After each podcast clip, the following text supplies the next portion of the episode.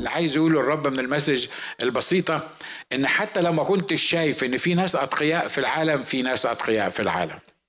حتى لو ما كنتش شايف إلا الخراب وشايف الدمار وشايف المشاكل وشايف وشايف وشايف اللي بتشوفه عينينا مش كل الحقيقة زي ما بيقول المرنم.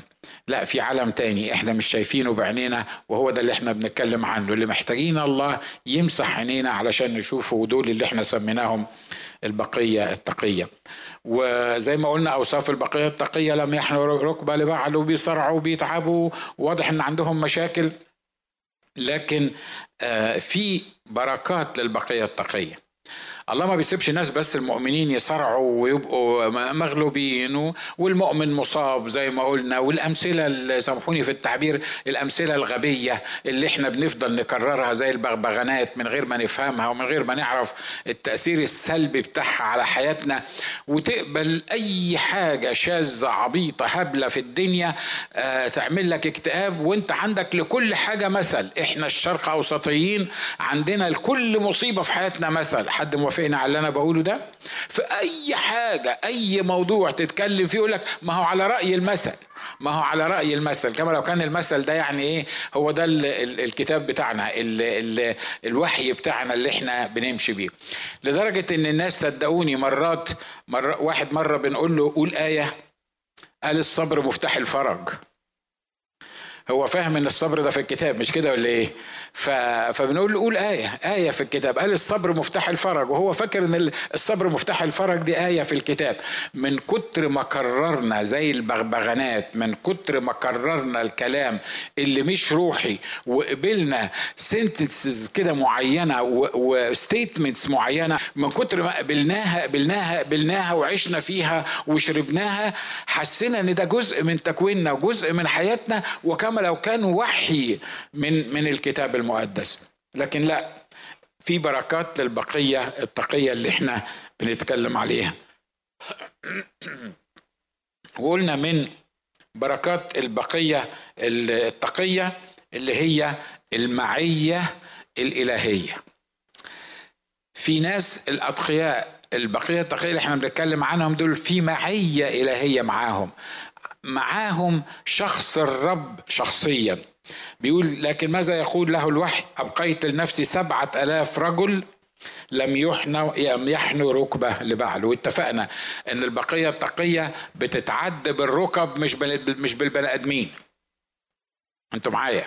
ها مش مع مع المطر أنا شايف إن يعني ربنا مباركنا زيادة عن اللزوم النهارده بس كويس نشكر الله لأجل البركه قلنا إن البقية التقية دي بتتحسب بالركب ما بتتحسبش بالواحد اتنين تلاتة ليه؟ لأن اللي عمل البقية التقية هي بقية تقية الركب اللي هي لم تحنى لبعل لكن بتحنى لله. علشان كده مهم جدا نعرف التفسيرات والتعبيرات دي. فواحدة من بركات البقية التقية المعية الإلهية. تبقى أنت ماشي في, الدنيا دي وأنت حاسس إن عندك إله وإن أنت معاك إله. أنا ما بكلمش كلام نظري. الكلام النظري اللي إحنا مرات كتيرة بنقتنع بيه بس تخش في التجربه بس تخش في الضيقة تخش في التحدي تلاقي الكلام النظري ده تبخر الكلام اللي بنقوله من على المنبر ده تلاقيه تبخر من دماغك ومحدش فاكره ومحدش مركز فيه. ده لو انت بتاخد الحقائق اللي إحنا بنقولها من هنا ككلام نظري بس تعرفه يعني حاجة كده زي ما قال الكتاب شعر أشواق لجميل الصوت يحسن العزف. لكن لو انت عايز تطبق حقيقي الحقائق الكتابية اللي بتتقال في الكتاب سواء اتقالت من على المنبر أو اتقالت من أي منبر لو بتطبق حقيقي الكلام ده على حياتك بتكتشف إن الإله اللي انت ليه واللي بتعبده ده موجود معاك شفته أو لو ما شفتوش. حسيت بوجوده ولا ما حسيتش بوجوده؟ لأن في معظم المرات وإحنا في الزنقة إحنا ما بنحسش بوجود الله. مش كده؟ يمكن كلكم سمعتوا القصة دي دايما الخدام بيقولوها. لما لما الرب كان بيكلم حد وهو كان بيعتب على الرب أنت كنت فين في الظرف الفلاني؟ وأنا مش واخد بالي. ما, ما, ما شفتكش أنت فين. فالرب خده في سكة حياته كده وبيوري له رجلين كبار هم رجلين الرب الفنان بيقول كده أو الصورة اللي هي Jesus steps دي بيوري له رجلين كبار هم رجلين آه، يسوع ورجليه الصغيرين وهم ماشيين مع بعض. بيوري له حياته. وجي عند فترة معينة الفترة اللي هو كان متضايق فيها الفترة اللي كان مزنوق فيها الفترة اللي كان مش حاسس بوجوده فيها ولقى رجلين اتنين بس كبار. فقال له شفت؟ أنا قلت لك أهو. قبل كده كانت أربع رجلين كانت رجليا ماشية معاك لكن ساعة ما احتجتك في الفترة دي ما لقيتكش.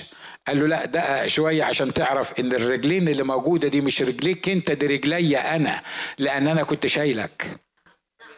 أنت واخد بالك؟ واخد بالك من من الفكرة دي؟ فالمعية الإلهية اللي إحنا بنتكلم عليها دي حاجة حقيقية بنشعر بيها في وجودنا وفي حياتنا. وعايز أقول لكم لرجال الله اللي اختبروا الحكاية دي صدقوني صدقوني صدقوني ما تستبدل هذه المعية الإلهية بأي شيء تاني في العالم. حد يشهد عن اللي أنا بقوله ده؟ مش كده؟ لا تقول لي مصاري ولا تقول لي مراكز ولا تقول لي شهادات ولا تقول لي علاقات ولا تقول لي أي حاجة في أي حاجة. لكن المعية الإلهية الحقيقية اللي إحنا بنتكلم عنها دي ما تستبدلهاش بأي شيء مهما كانت الأمور. الحاجة الثانية من بركات البقية التقية هي الثبات والاستمرارية. اللي بيميز البقية التقية دي إن هم مش مش مش مرة فوق وعشر مرات تحت. أنا عارف إن إحنا بشر وعارف إمكانياتنا. لكن اللي بيميز البقية التقية الحقيقية اللي إحنا بنتكلم عنها عندهم ثبات واستمرارية. بيقول أبقيت لنفسي سبعة ألاف رجل لم يحنوا ركبة لبعل ولما تشوف الأسماء اللي أنا كاتبها تحت دي طبعا أنا ممكن أملأ لك الشاشة كلها ب 20 30 اسم يعني يتم فيهم المكتوب ده. لكن البقية التقية دي البركة بتاعت المعية الإلهية موجودة في كل الظروف سواء أنت زي ما اتفقنا أنت شفتها أو ما شفتهاش.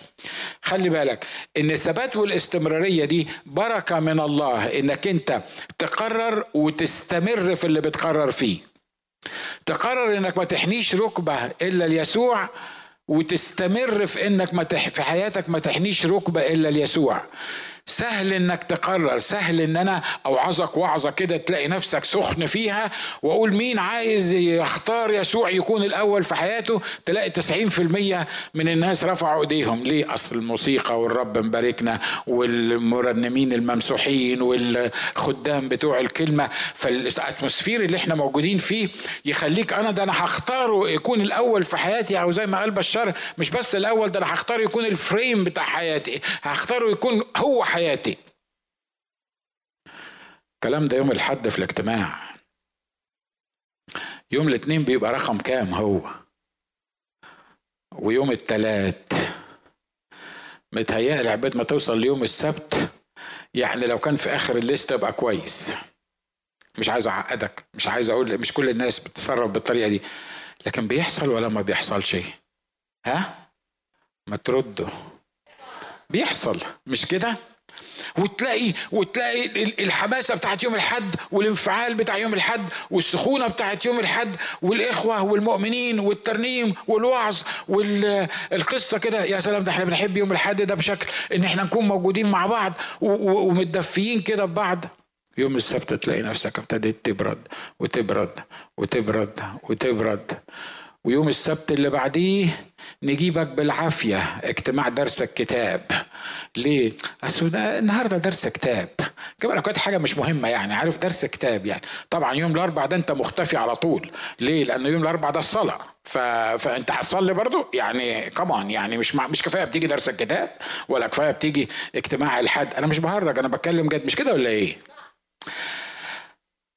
كويسة دي وبتعالي عارف انت واخد بالك من من بركات البقية التقية؟ عارف بركات البقية التقية هي إيه؟ الاستمرارية.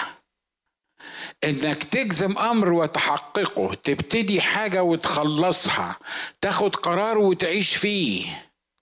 مرة تاني بقول واحدة من بركات البقية التقية دي وعلى فكرة دي ما تقدرش تعملها ده الروح القدس يعملها فيك. يعني مش هتقول النهارده خلاص أنا قررت النهارده إن أنا هحضر كل اجتماع وهعمل كذا وهسوي كذا وهسوي كذا. كان غيرك أشطر. يا ما قلت أنا الكلام ده ونشكر الله. يعني ما ما ما, ما كملش. لكن واحدة من بركات البقية التقية دي لأن الروح القدس بيعيش فيهم باستمرار فيوم الحد زي يوم الاثنين زي يوم الثلاث زي يوم الخميس زي يوم السبت عندهم. ما عندهمش يوم يعني أقرب من يوم أو أحسن من يوم أو يوم سخنين ويوم مش سخنين. بركات التقية دي إن هو عندهم ثبات واستمرارية من الروح القدس. مش عارف ليه مشغول أقول لك إن في ناس دايما بيسموهم البيجنرز but they never finish something. هما بيبتدوا. هما دايما يبتدوا. تقعد مع الواحد تلاقي عنده 18 مشروع.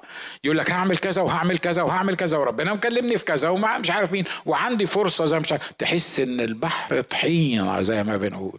قابلت حد من الناس دول؟ أنا مش عايز أسألك أنت ولا يعني شاور على اللي جنبك. بلاش بلاش أنت. ما أنا عارف إحنا كده كده بنشاور على اللي جنبنا. تبص تلاقي بيجنرز يعني يعني يعرفوا يبتدوا يعرفوا يبتدوا يبتدوا يبتدوا حاجات كتيرة. لكن يبتدي كل حاجة عمره ما يخلص حاجة. تقول له لا هو انت مش كنت بتدرس برضه؟ يقول لك ما أنا اتعجدت مش عارف من إيه والمدرس دمه تقيل والمدرسة مش عارف تعمل إيه. هو انت مش كنت بتيجي درس الكتاب؟ ما القسيس ماسك لنا يوحنا بقاله سنة ونص إحنا جينا له بتاع خمس ست اجتماعات هو مش مش مخلص من يوحنا ده زهقنا إحنا من يوحنا ده. إحنا عايزين كل شوية حاجة معينة. نعمل مشروع. تبتدي في تبتدي معانا في المشروع تبقى متحمس وعمال تتصل بالناس وتروح وتسوي وبتاع. بعد أسبوع ولا اتنين ندور عليك. يقول لك لا ده كان زمان. أصل أخونا اتشغل. أصل أخونا اتجوز. أصل أخونا اشترى بقر. في ناس أنا بكلم كلام كتابي مش كده ولا إيه؟ مش الكتاب قال مثل بيقول له أنت ما جيتش ليه العرس قال له أصل أنا اتجوزت وما أقدرش أطلع من بيتكم يا خيبتك طب ما أنت اتجوزت ما هتفضل معاك على طول. يعني ما تروح احضر الحفلة وبعدين روح اللي اتجوزت. أصل اشتريت حقل وعايز لازم أطلع أشوفه. بالليل يا كذاب. أصل اشتريت جوز بقر وعايز عايز أجربهم. يا غشاش حد هيجرب البقر بالليل؟ ده ده في العشاء. واضح؟ اللي إحنا بنقوله بركات البقية التقية دي الثبات والاستمرارية. عارف ليه؟ لأن البقية التقية دي مش ماشية بمزاجها، مش عاجبني الموضوع ده أصلا هبتديه، أو عاجبني الحاجة المعينة هبتدي أعملها، أو الب... أو الكلام اللي بيقوله القسيس ده في المشروع ده ده رائع جدا هنبتدي فيه. البقية التقية دي ما بتمشيش بالعواطف، البقية التقية دي ما بتقولش كده ده عاجبني وده مش عاجبني. الاجتماع ده عاجبني وده الاجتماع ده مش عاجبني. والقسيس ده عاجبني والقسيس ده مش عاجبني. والترنيم ده عاجبني والترنيم ده مش عاجبني. والمرنم ده حلو والمرنم ده وحش. ما بيمشوش بالطريقة دي دول مش بقية تقية دي بقية مزاجية البقية التقية الحقيقية لما تبتدي حاجة تكملها تمشي فيها تستمر فيها تثبت فيها ليه؟ لأن هي ما بتبتديش زي ما قلنا بالعواطف لكن هي مبتدية لأن هي واخدة من الله إنها تمشي في السكة دي وعشان كده هي ماشية في السكة دي. معلش خلوني يعني يعني أنتوا عارفين ان أنا ما بوعظش وعظ لاهوتي يعني آه، يدوخكم ولا حاجة لكن خليني أبقى مخلص معاكم. في حاجات بنبتديها ما نقدرش نكملها. في حاجات مش كل حاجة بنبتديها نقدر نكملها. مش كده ولا إيه؟ مش دول اللي أنا بتكلم عليهم. لحسن أنت في مرة ملقيت تكون مثلا آه، يعني ابتديت جوازة وفشلت ولا حاجة تبقى وعيتك مش فايتة تقول لا ما أنا أصل مش البقيه التقية لأن أنا كنت هتجوزها وما وما اتجوزتها. أو يعني أي حاجة في أي حاجة أي مشروع. لا لا اللي أنا بتكلم عليه في ناس عمرها عمرها ما ابتدت حاجة وكملتها ابدا. حد موافقني على اللي أنا بقوله ده؟ ياما مشاريع ياما كلام ياما ديسيجنز ياما قرارات بتتاخد وإحنا في الاجتماع وإحنا قدام الله وإحنا متحمسين وإحنا مخلصين. أنا مش بتكلم عن ناس غير مخلصة. وإحنا مخلصين. لكن بعد ما بتمشي أسبوع واثنين وثلاثة تكتشف إنك أنت مش قادر مش قادر تكمل. أنت نسيت أصلا الموضوع اللي كان المفروض في دماغك. نسيت الوعد اللي وعدته للرب. نسيت أصلا أنت كنت عايز تعمل إيه. ليه؟ لأن مفيش ثبات ومفيش استمرارية.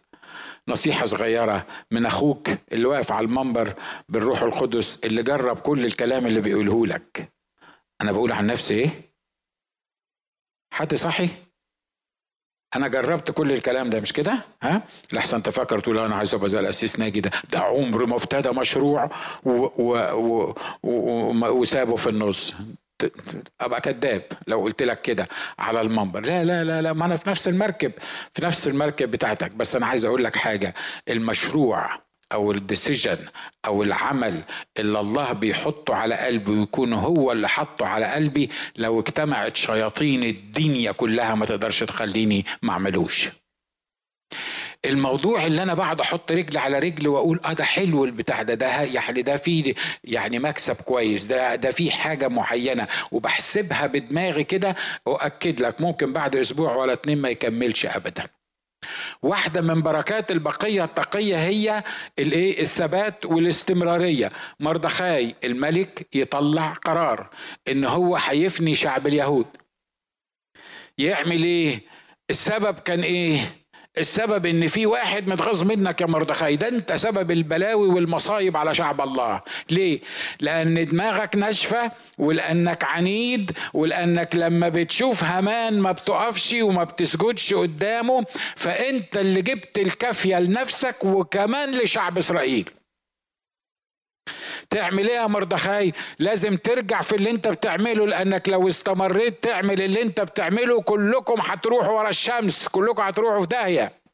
فلازم تعمل إيه يا عم اركع وخلصنا. ده انت هتنقذ النفوس اللي وراك كلها. عمل كده مردخاي. قال لك للرب إلهك تسجد وإياه وحده إيه؟ وإياه وحده تعبد. كمان في فرق بين إنك تسمع الآية دي وتقولها وإنت قاعد على الكرسي كده وفي فرق بين إنك تقولها وهمان رايح جاي قدامك وكل شوية بيبص لك. وبعدين اللي حواليك وكلمنا في الموضوع ده بالتفصيل اللي حواليك يقولوا لك يا ابني حل يا حبيبي اركع وخلصنا يا حبيبي خلص الموضوع ده وافق على البطيخ اللي مطلوب منك ده أهي مرة تفوت ولا حد يموت. ما هو ده برضه من الأمثلة مش كده؟ الأمثلة الغبية المعوقة. يا عم اعمل معروف. يا عم ما تبقاش صالب كده عشان الناس الصالبه دي هتتكسر في يوم من الأيام. لكن هو بيقول إيه؟ بيقول مش هركع. حتى لما يطلع قرار الملك إنه هيبيدك وهيبيد الشعب بتاعك كله لو بدني وباد الشعب بتاعي كله برضه مش هركع. دول اللي اسمهم إيه؟ اسمهم البقية التقية الاستمرارية اللي الله بيديها. طب وفي النهاية المسكينة المسكينة الملكة بتقول له بتقول له أنا ما حدش دعاني أخش للملك الشهر ده.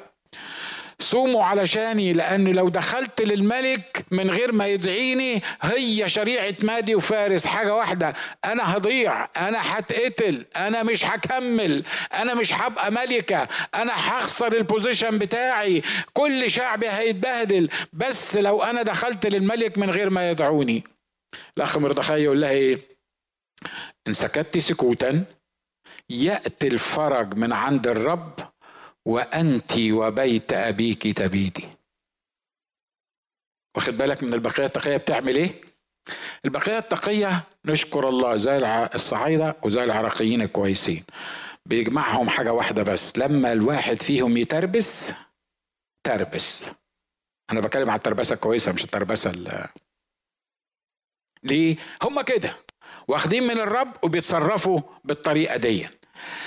البقية التقية واحدة من البركات بتاعتها الاستمرارية الثبات والاستمرارية يعني إيه؟ يعني تجزم أمرا فيثبت لك الله يقول لك اعمل الحكاية دي يودوك مباحث أمن الدولة يودوك ال ال ال اليمين يودوك شمال لأن الله قال اعمل الحاجة دي فأنت الروح القدس يديك ثبات واستمرارية عشان تنفذ اللي قاله الرب. ما معكش فلوس هتنفذه ما عندكش صحة هتنفذه. كل الأمور ضدك هيتنفذ. ليه؟ لأنك البقية التقية عندهم حاجة بلت إن كده جواهم يقدروا يك يكملوا اللي الرب عايز عايزهم يكملوه حتى لو ما فيش أي إمكانية لتنفيذه. حد جرب اللي أنا بقوله ده؟ ها؟ عشان كده مهم جدا إن إحنا نعرف إن واحدة من بركات البقية التقية الثبات والاستمرارية واتكلمنا عن دانيال والفتيه الثلاثة وعاموس وأرمية وممكن نتكلم عن عدد كبير جدا. رسول البولس بي بي واحد خد المنطقة بتاعته وقال الذي له هذه المنطقة هيعملوا له إيه؟ هيربطوه في أورشليم. يعني أنت يا رسول بولس لو رحت أورشليم هتتربط. ما حدش متهيألي في الرجالة يحب يتربط مش كده ولا إيه؟ ولا الستات يعني بس يعني لما أكون راجل ومبشر وحاجات من كده يمسكوه من ايديه ورجليه يربطوه. وبعدين الإخوة سمعوا التقرير ده على فكرة ده تقرير اتقال بالروح القدس لأسباب كتيرة واتقال لبولس علشان عشان عشان الرب عايز يكلمنا في موضوع معين في الموضوع ده. فقالوا له الذي له هذه المنطقة هكذا يقول الرب الذي له هذه المنطقة هيتربط في أورشليم. العقل بيقول إيه بقى؟ طب بلاش رحلة أورشليم دي. فوت رحلة أورشليم دي المرة دي بعدها يمكن مثلا بشهرين ثلاثة الأمور تتحسن ولما تروح أورشليم خلاص هيبقى ما فيش مشكلة. الرسول بولس قال لهم لا ده أنا عندي استعداد مش أتربط بس ده أنا عندي استعداد أروح وأتربط وأموت لأجل المسيح. حكمة دي حكمة دي إن الرسول بولس يقول كده؟ يا أخونا خلي بالك أنت هتروح أورشليم هيربطوك. يقول طب وماله؟ يعني إيه وماله؟ عندك استعداد تتربط؟ آه أنا عندي استعداد أموت كمان. شوف الكبرياء يا أخي. كتير مرات لما كان الرب يطلب حاجة وأنا أصر عليها يطلع واحد كده من تحت الأرض يقول شوف الكبرياء يا أخي يا عم تواضع شوية يا عم اسمع كلامنا يا عم إحنا بنقول لك إحنا بننصحك بس بال بال بالحاجة المعينة دي أشكر الله وده مش من الإنسان باي ذا لما تعيش ويعيش الروح القدس فيك تتحدى الشياطين تتحدى الناس تتحدى اللي حواليك تتحدى الدنيا كلها. مفيش حد يقدر يقف قدامك. ليه؟ لأن أنت واخد موهبة واخد قرار من الرب علشان تعمله. أمين؟ وتلاقي إبليس بعت لك ناس من تحت من المؤمنين من المؤمنين ينصحوك. إن شاء الله ما تسمعش للمؤمنين اللي بينصحوك بحاجة غير اللي قالها لك الرب حقيقي جواك وبيشهد ليها الروح القدس. مرة واحد قسيس جه في مؤتمر من المؤتمرات أنا كتبت الكلام ده في الجورنال في مقالة وهو قسيس معروف في مصر. جه قال لي على فكرة قلت له آه. كنا عاملين مؤتمر للشباب هو جه من غير ما حد يدعيه. قال لي على فكرة أنا عايز أقول لك حاجة. قلت له قال أنا كنت قاعد مع ضباط الأمن الدولة وقالوا لي كده بالحرف الواحد إن بلغك الرسالة دي إن الدور عليك. فقلت له يعني هو إيه الدور لا سمح الله أنا مش عارف. طبعا أنا فاهم هو بيتكلم عن إيه بس قلت له يعني هو إيه الدور ان شاء الله؟ يعني هو إيه الدور اللي, اللي أنا واقف فيه يعني؟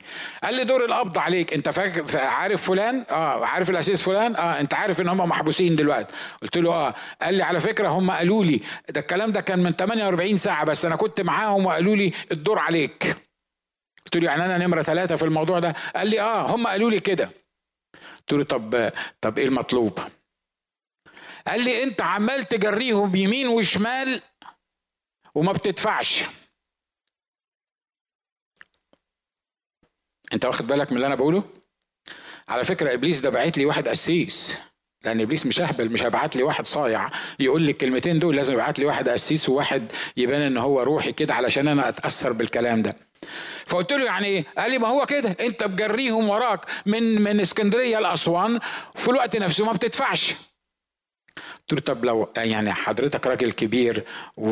ويعني عندك خبرة في الموضوع واضح إن عندك خبرة في الموضوع تحبني أبطل جري ولا أدفع؟ طبعا أنا حطيته في مشكلة كبيرة مش كده ولا إيه؟ ها؟ لأنه لو قال لي بطل جري أقول له أنت قسيس أنت؟ عايزنا أبطل خدمة؟ طب لو قال لي ادفع أقول له برضه عايزنا أدفع رشوة؟ مش عيب أخدم وأدفع رشوة لربنا عشان ما يقبضوش؟ أنت واخد بالك من اللي أنا عايز أقوله؟ ها؟ لا شكلك مش واخد بالك. واخد بالك من اللي أنا عايز أقوله ده؟ ها؟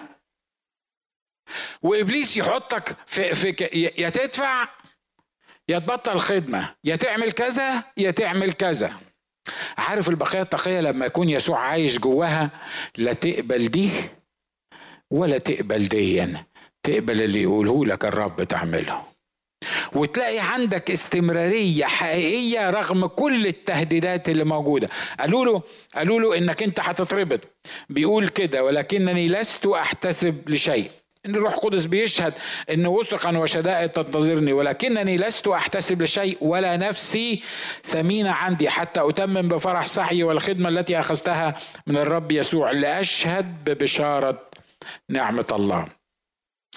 الحاجة الثالثه من بركات البقية التقية الاستجابات الحتمية والفورية. اتكلمنا في الموضوع ده قبل كده؟ لا ما اتكلمناش مش كده؟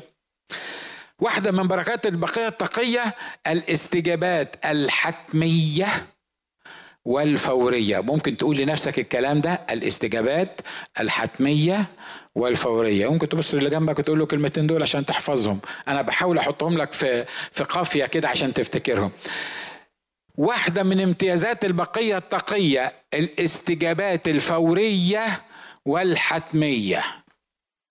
خلينا اتكلم على الحتمية الأول. الحتمية لأن إلهك ما يقدرش وأنا أقصد الكلمة اللي أنا بقولها دي. إلهك ما يقدرش. الله ما يقدرش. يسوع ما يقدرش. تقول لي حاسب حاسب حاسب. انت بتقول على مين اللي ما يقدرش ده؟ الله ما يقدرش. يسوع ما يقدرش. انت واخد بالك انك انت بتقول على الله وفي حاجة ما يقدرش عليها الله؟ آه في حاجات ما يقدرش عليها الله. في حاجة ما يقدرش عليها يسوع؟ في حاجات ما يقدرش عليها يسوع. عارف ما يقدرش على إيه؟ ما يقدرش يكسر كلامه. لا ينقض عهد ولا يغير ما خرج من شفتيه. الكلمة اللي بيقولها هو لأنه هو عارف بيقول إيه فما يقدرش يغيرها. ما يقدرش يرجع فيها ما يقدرش ينسخها. ما فيش ناسخ ومنسوخ عندنا في المسيحية. ليه؟ لأن اللي قال هو يسوع اللي ما بينسخش كلامه. اللي قال هو الله اللي ما يقدرش ينسخ الكلمة بتاعته. لما لما أصلي آخد استجابات الحتمية والفورية. حتمية ليه؟ لأن زي ما بقول لك واحدة من ضمن الحاجات اللي ما يقدرش يسوع يعملها إنه يطنشك. إنه ما يسمعلكش إن ما يستجبش لصلاتك. حد موافقني على اللي أنا بقوله ده؟ تقول لي قسيس طب أنت عمرك صليت لحاجة؟ أديك أنت بتزعق على المنبر عمرك أنت صليت لحاجة وما حصلتش؟ آه كتير. الله. يبقى يبقى بيسمع ولا يعني بي بي الاستجابات دي حتمية ولا مش يعني كمان ما انت بتقول اهو ما انت صليت وما جاوبكش. عارف ما جاوبنيش ليه؟ هو حتى في عدم إجابته ليا إجابة. في عدم إعطاء وأنا أشكره مئة ألف مرة إن هو ما عطانيش كل اللي طلبته وإلا كان زماني مدمر نفسي وما كنتش واقف على المنبر قدامكم دلوقتي ولا عامل قسيس ولا بطيخ. عارف ليه؟ لأن هو لما بيجي ابني بيطلب حاجة غبية. مش لأن ابني ولأن أنا أقدر أعمل كل حاجة وإن أنا المفروض أعمل له كل حاجة خلاص ما دام ابني طلب وأنا ما أقدرش أرفض لابني طلب فأنا أعمل له كل اللي هو بيطلبه. أنا ما بقاش أب. أنا ما بقاش ما يبقاش عندي مخ إن أنا أعمل كده. لكن في كل مرة بتكلم معاه بيسمعني وبيجيبني. على فكرة أنا آه، يعني أنا هحاول أخلص بسرعة. أنا ما بيعجبنيش بعض الخدام وحد كده غالبا قعد وحط رجل على رجل وقال لك لما تصلي الرب يا إما يقول لك أيوه يا إما يقول لك لأ يا إما يقول لك مش دلوقتي يا إما يسكت. ما يجاوبكش. أنا بصراحة ما بتعجبنيش الحكاية دي. شوف هو مش الرب اللي بيعمل كده. انت اللي بتحدد نوع الإجابة اللي هتاخدها من الرب. ركز معايا في اللي أنا بقوله ده. انت وأنا اللي بنحدد نوع الإجابة اللي هناخدها من الرب. يعني إيه الكلام ده؟ إن طلبتم شيء حسب مشيئتي وفي اسم الرب يسوع مؤمنين يحصل إيه؟ على فكرة دي استجابة قبل ما تطلب. دي أصلا استجابة قبل ما تطلب. ليه؟ لأن هو عارف إنك هتطلب وعارف إنك هتصلي الحكاية دي. عشان كده هو قال لك لو طلبت بالروح القدس وحسب مشيئتي ومؤمن أنا هديها لك.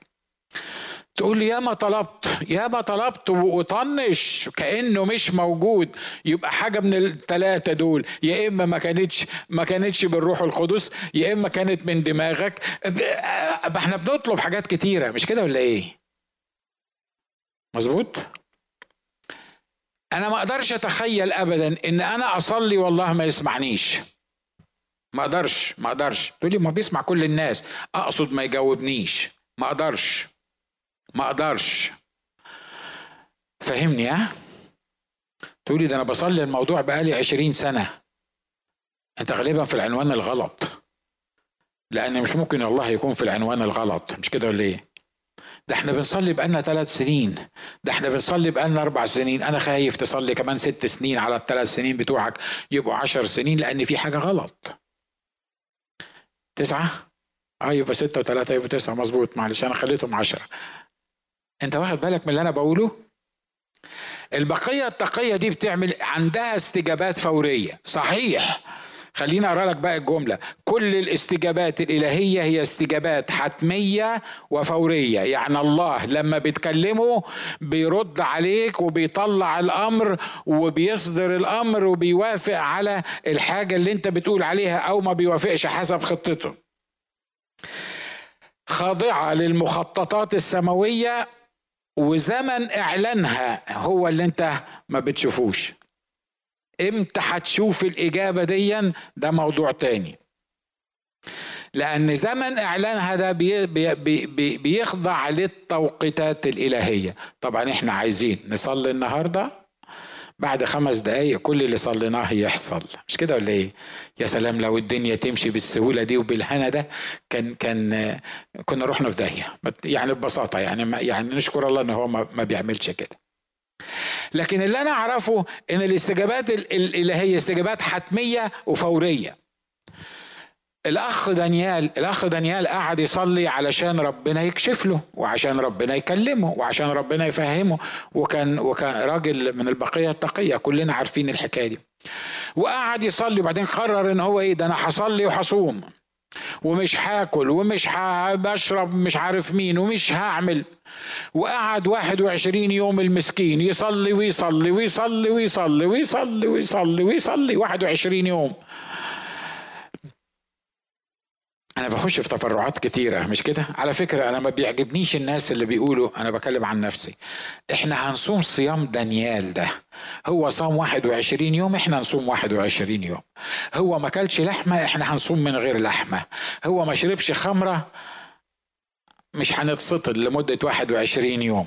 و و وكل حاجة زي ما زي ما دانيال عمل إحنا هن هن هنعمل ال 21 يوم. حبيبي في في ديزاين خاص بالنسبة لك انت انت مش لازم تمشي على اثر خطوات الأخ دانيال انت شوف الرب عايزك تعمل إيه ولما يكون فعلا انت عايز تصوم حقيقي من جواك لو في حاجة شغلاك وفي حاجة محتاج فعلا الرب عايزه يتدخل فيها هتصوم غصب عنك. صح؟ واحد من الإخوة بيقول لك ده أسيس من المذبح ده ولا إيه؟ بيكلمنا بالطريقة دي. دي حقيقة يا إخوة أخوات. مصيبة من مصايب اللي إحنا بنعملها إن إحنا بنكابي إيتش أذر. يسوع صام 40 يوم. إحنا نعمل الصيام الصغير 40 يوم. ليه؟ مش يسوع صام 40 يوم. طب يا أخي يسوع صام 40 يوم. أنت مالك؟ ومال ال 40 يوم اللي صامهم يسوع. أنا مش بقول لك ما تصومش. لكن لو انت يونان كان في بطن الحوت ثلاث أيام ما كانش بياكل يونان. ما أعرفش طبعا أكيد ما كانش بياكل في بطن الحوت وإلا كان وحيته هتبقى مش فايتة.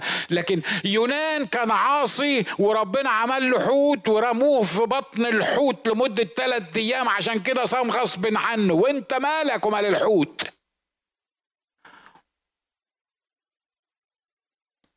وعملنا صيام للعذراء وصيام للمسيح وصيام ليونان. Isn't it funny? مع إن يا أخي في آية واضحة بيقول لك لا يحكم عليكم أحد من جهة عيد أو هلال أو تصوم إمتى ولا تفطر إمتى ولا تصلي إمتى. وكلام واضح جدا.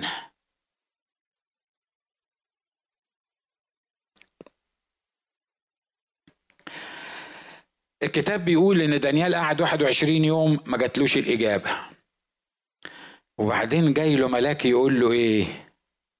يا دانيال إني خرجت الآن لأعلمك الفهم في ابتداء تضرعاتك في ابتداء تضرعاتك خلي بالك من كلمة ابتداء دي ساعة ما ابتديت التضرعات خرج الأمر خرج الأمر منين؟ خرج الأمر من الرب مش كده ولا إيه؟ وأنا جئت لأخبرك لأنك أنت محبوب فتأمل الكلام وأفهم الرؤية الله طب لما هو أنا محبوب وفي ابتداء تضرعاتي خرج الامر من من عنده وانت جاي علشان تخبرني امال لا سمح الله كنت فين ال 21 يوم دول؟ مش إحنا مرات بنسأل الرب كده؟ طب لما القسيس بيقول استجابات فورية امال أنا ما سمعتش فورية دي ولا فوزية جت خالص في يعني كمان فين ال فين ال فين الكلام اللي أنتوا بتقولوه ده؟ يقول له أنا جيت عشان اخبرك 21 يوم وحصلت حاجة في السماويات حصلت حرب في السماويات اتعطلت بطلت ما قدرتش اجيلك المهم بعد 21 يوم أنا جاي عشان أقول لك إن من بدء التضرعات. عارف ليه من بدء التضرعات؟ لأن الله لا يسر بإنك تتضرع وهو يبص لك كده يقول لك سيبه يتشوي شوية. سيبه يتعلم شوية سيبه يتربى شوية. لا لا ده مش إلهنا ده مش إلهنا. إلهنا بمجرد ما تبتدي تتكلم معاه يطلع لك القرار immediately في الحاجة اللي هو عايز يعملها. عارف ليه مرات بيتأخر عليك؟ لأنه عارف الوقت المعين اللي يديلك فيه الإجابة لأن الوقت اللي بيديلك فيه الإجابة هو أحسن حاجة بالنسبة لك. لو خدتها قبل كده هتبقى مشكلة ولو خدتها بعد كده هتبقى مشكلة. الكلام ده سهل إن إحنا نقوله على المنبر؟ سهل إن إحنا نتكلم فيه؟ سهل يا قسيس إنك أنت تقعد تشرح فيه. لكن لما بتطول عليك الإجابة أنت بقى قسيس بتعمل إيه؟ بعمل زيك. بعمل زيك. حد مصدقني؟ في حد في حد يقول كده على المنبر؟ أنا بعمل زيك. عارف ليه؟ لأن في نفس المركب بتاعتك. لما بتطول العملية بقول أنا تعبت أنا قرفت أنا زهقت أنا مش عارف أعمل إيه تاني. صلاة وصليت وصوم وصمت ومش عارف مين وعم حد فيكم عمل زي كده أو بيعمل زي كده؟ وبعدين أنت فين؟ وبعدين انت فين؟ انت مش بتسمع. مش الراجل اللي كان واقف على المنبر ده اللي هو أنا كنت كان بيقول ان في استجابات فورية. امال امال فين الفورية اللي بيتكلم عليها؟ الكتاب بيقول نحن بالإيمان نسلك لا بالعيان أنا ما حدش يقدر يشككني ابدا في استجابات الله الفورية لكل صلواتي وبشكره لأنه ما بيعرفنيش الإجابة إلا في وقته هو وما بيحلليش الأمور إلا في وقته هو وما بيفهمنيش حتى مرات ليه ما بيجاوبنيش عن الحاجات اللي أنا بصلي عشانها. يا ما حصلت في حياتي حاجات حطيت وشي ناحية الحيط أه لو كان قدامي يعني وكنت أقدر أعمل فيه حاجة مش عارف كنت عملت فيه إيه. حد فاهم أنا بقول إيه؟ أنا بتكلم على ربنا. أنا بتكلم على الرب. مش كده؟ ما هو آه حاشا وإحنا قاعدين في الاجتماع. لكن لو كنت في الظرف اللي أنا كنت موجود فيه وباصص في الحيط يعني لو كان ممكن أعض الحيط بسناني كنت عضيت الحيط بسناني وهو ولا كأنه موجود. ولا كأنه يعرفني. ولا كأنه يعني في الصورة وتفوت الأيام وتفوت الأيام وبعد كده يجي يخبط عليا ويجي يسألني إيه رأيك؟ كنت تحب تسمع الإجابة ساعة ما كنت بتصلي؟ تحب تسمع الإجابة ساعة ما كنت بتصلي أقول له رب أشكرك لأنك ما جاوبتنيش ساعتها ليه؟ لأنك لو كنت جاوبتني ساعتها ما كانش هيبقى في مصلحتي أبدا أبدا أبدا بص للي جنبك وقول له استجابات الرب. استجابات حتمية وفورية. لما تعيش في الحقيقة دي تعرف إن الله مش ممكن يطنشك. تعرف إن الله مش ممكن ما يسمعكش. تعرف إن أنات قلبك حتى قبل ما تقولها هو أصلا من قبل ما تقولها بيخرج الأمر من عنده. أمين؟ الحاجات دي life changing ليه؟ لأن العدو بيحاول يستغل النقط دي انه بيحاول يقول لك أين هو الرب إلهك؟ لو كان إلهك حي لو كان إلهك بيسمع لو كان إلهك يقدر يمد إيده لو كان إلهك يقدر يغير الظروف ما بيعملش ليه؟ مش كده برضو ولا إيه؟ ها؟ وللأسف لأن إحنا كلنا في الموازين لفوق. بنقبل الكذبة ديا من الله بنقبل من من إبليس. بنقبل الكذب اللي هو بيقوله لنا. وبنتخيل إن عارف أحسن أحسن حاجة ممكن اتخيلها أصل أنا وحش. أصل أنا أصل أنا أصل أنا خاطي. أصل أنا مش عارف عملت إيه علشان كده هو مش مجاوبني. يا أخي ما أنت طول عمرك وحش وطول عمرك خاطي وطول عمرك أنا وأنت مش أنت بس يعني. يعني هو لو كان بيعاملنا على حسب خطايانا ولا كان بيعاملنا على حسب أنت وحش ولا مش وحش كان فينا حد ينفع يبقى لا واقف يتكلم ولا قاعد يسمع. مش كده ولا إيه؟ هو إمتى حضرتك كنت شربات يعني؟ ولا أنا إمتى كنت يعني راجل بقى روحي يعني أقول الكلمة عشان أنا راجل روحي ربنا يجاوبها؟ إمتى كنت؟ فاكر أنت؟ فاكر أنت في مرة من المرات كنت كده؟ لولا نعمة الله ولولا محبة الله ولولا إحسان الله ما كان فينا واحد الجميع زاغوا وفسدوا. ليس من يصنع صلاحا ليس ولا واحد. لكن الله بين محبته لنا لأنه ونحن بعد خطاة مات المسيح لأجلنا. البركات الإلهية اللي إحنا بنتكلم عنها بركات استجابات. حتمية فورية اديني مرة تاني وحاجة تاني بس وحاف. بركات البقية التقية الارتباط بالسماويات مباشرة. الكتاب بيقول الكلام ده بيقول أقامنا معه وأجلسنا معه فين؟ في السماويات في المسيح يسوع. على فكرة في فرق كبير إنك أنت تصلي من الأرض وفي فرق إنك تصلي من السماء. نقول تاني في فرق إنك وأنت بتصلي أنت بتصلي وأنت قاعد في الأرض. عايز أقول لك ببساطة كده لما تصلي وأنت قاعد في الأرض مش هتشوف إلا الأرضيات عينيك مش هتبقى طالعة لفوق عقلك هيبقى في الأرضيات اهتماماتك هتبقى أرضية مع انه يا أخي أقامنا معه وأجلسنا معه في السماويات. لما تبص للأمور من السماويات تكتشف إنها مختلفة تماما عن اللي أنت بتصلي له. حد جرب القصة دي؟ أنا متأكد كتير فيكم جربوا الحكاية دي. هو نفس ناجي. بطبيعته وبالطين اللي هو متكون منه وبالعقلية الأرضية اللي هو متكون منها. مرات يمر في نفس الظرف نفس الظرف ونفس الأمور اللي حصلت معاه بنفس الطريقة. مرات يحس إن هو عايز يشد شعره وعايز يصرخ ويجري في الشارع ومرات تاني تبقى عينيه لفوق ويقول أشكر الله لأن أنا شايف الأمور بطريقة مختلفة. الله هو إيه اللي اختلف؟ ما هو نفس ناجي ونفس الظرف ونفس الضيقة ونفس المشكلة ونفس الحل كله ما فيش حاجة اختلفت. عارف اللي اختلف إيه؟ ناجي شايفها منين؟ ناجي موجود فين وهو بيشوف؟ لو موجود في الأرض أقل بناية نص عالية كده تحسسك إن أنت مخنوق. ليه؟ لأن أنت أنت بتقارن نفسك بحاجة طويلة. لكن لما تطلع فوق وتبص للبناية من فوق أعلى بناية تبان عبارة عن علبة كبريت في, في الأرض اللي أنت عايش فيها. عشان كده واحدة من بركات البقية التقية الارتباط بالسماويات. هم قاعدين في السماويات بيفهموا الأمور من السماويات. على فكرة ده مش مستوى يعني يا ريت يا أخ ناجي يا ريت نوصل للي أنت بتقوله ده ده هيبقى يعني رائع جدا. يا حبيبي ده أنت مش لسه هتوصل للي أنا بقوله. ده الكتاب بيقول أقامنا معه أجلسنا معه في السماويات. أنت مصدق مش مصدق؟ أنت قاعد في السماويات. صح. البركة دي لما تقعد في السماويات تسمع الحاجات اللي موجودة في السماويات تلاقي ربنا بيدي لك أسرار. هنتكلم عن الموضوع ده المرة الجاية بالتفصيل.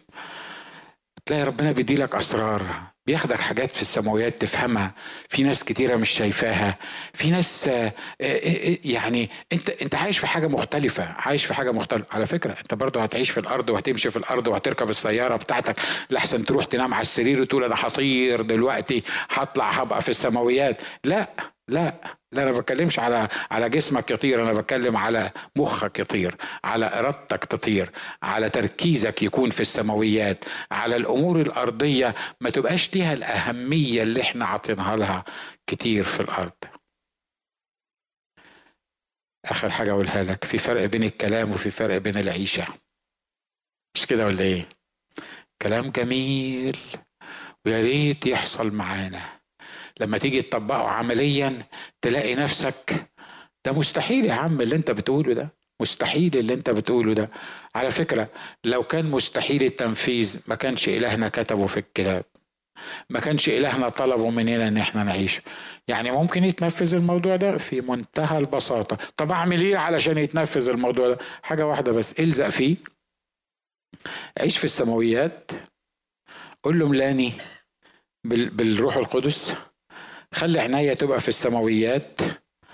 اعمل حاجة تاني. بطل تسمع أم كلثوم وفريد الأطرش والبلاوي السوداء اللي أنت بتسمعها. أنا مش بتكلم عن حد قدام الله. اعمل حاجة واحدة بس. اسمع praise and worship اسمع ترانيم تاخدك للسماويات. اسمع اسمع اسمع تسبيح. تبص تلاقي وانت قاعد في الأرض تلاقي نفسك طاير. تلاقي نفسك بتفكر في السماويات. تلاقي نفسك الروح القدس ذكرك بأمور انت ما انت ما, ما يمكن قلت لكم قبل كده أنا كنت من عشاق فريد الأطرش. حتى في يوم عيد ميلادي كنت بغني عدت يا أم مولدي عدت يا أيها الشقي. عشان كده كان يبقى بيوم أسود طبعا. ما أنا بقول لنفسي يوم يوم يوم آه. لكن عارف لما بصحى الصبح أبص لفوق وأرنم أقول له أنت عظيم أنت سيد كل الأرض أنت متسلط في مملكة الناس ليك المجد والكرامة. لما بعمل كده بلاقي يومي بيمشي والأمور بتختلف هي نفس القصة بس نظريتي للأمور بتختلف تعاملي مع الأمور بيختلف. يا إخوة أخوات البقية التقية ليهم بركات خاصة عند الرب لا يمكن يستمتع بيها غير اللي عايزين يعيشوا في كنف الرب. تعالوا نقف مع بعض وتعالوا نشكر الرب لأنه جعلني وجعلك من البقية التقية دي أنه أعطاني إمكانية أن أنا أكون من البقية التقية دي. إنه أعطاني إمكانية إن أنا أكون في السماويات إن أشوف الأمور من السماويات إن أتعامل مع الأمور في السماويات. مهما كانت الأمور اللي بتحصل في حياتي. مهما كان الظلم اللي واقع عليا. مهما كانت المآسي اللي أنا ممكن أكون معدي فيها. لما تعيش في السماويات تقول كده مع بولس الرسول خفة ضيقتنا الوقتية.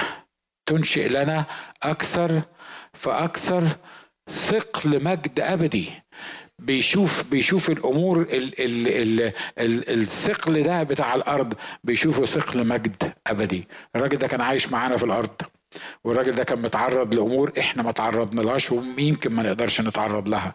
لكن هو كان عارف إن هو عايش في السماوات. تقول يا رب أشكرك لأجل المستوى اللي أنت عايز تعيشني فيه. لأجل أنت اشتريته بدمك. أنت أنت صنعت المستحيل عشان أنا أكون موجود. في السماويات. يا رب أشكرك لأني مرتبط بيك لأني جالس في السماويات. يا رب بصلي لنفسي ولإخواتي النهارده انك تفتح عينينا على السماويات. خلينا نشوف اللي حوالينا في السماويات.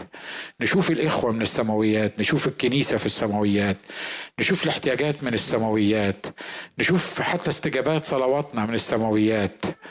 وأنا متأكد يا رب لو خدتنا للسماويات دي مش هنشوف إلا يسوع وحده. يجلس على كرسي عالي ومرتفع وأزياله تملأ الهيكل. وهننسى كل الأمور مش هنقدر نقول لك غير قدوس قدوس قدوس. مجدك ملء كل الأرض. ننحني عند قدميك نسجد لجلالك. نهتف في محضرك لأنك إلهنا وسيدنا. We worship you Jesus.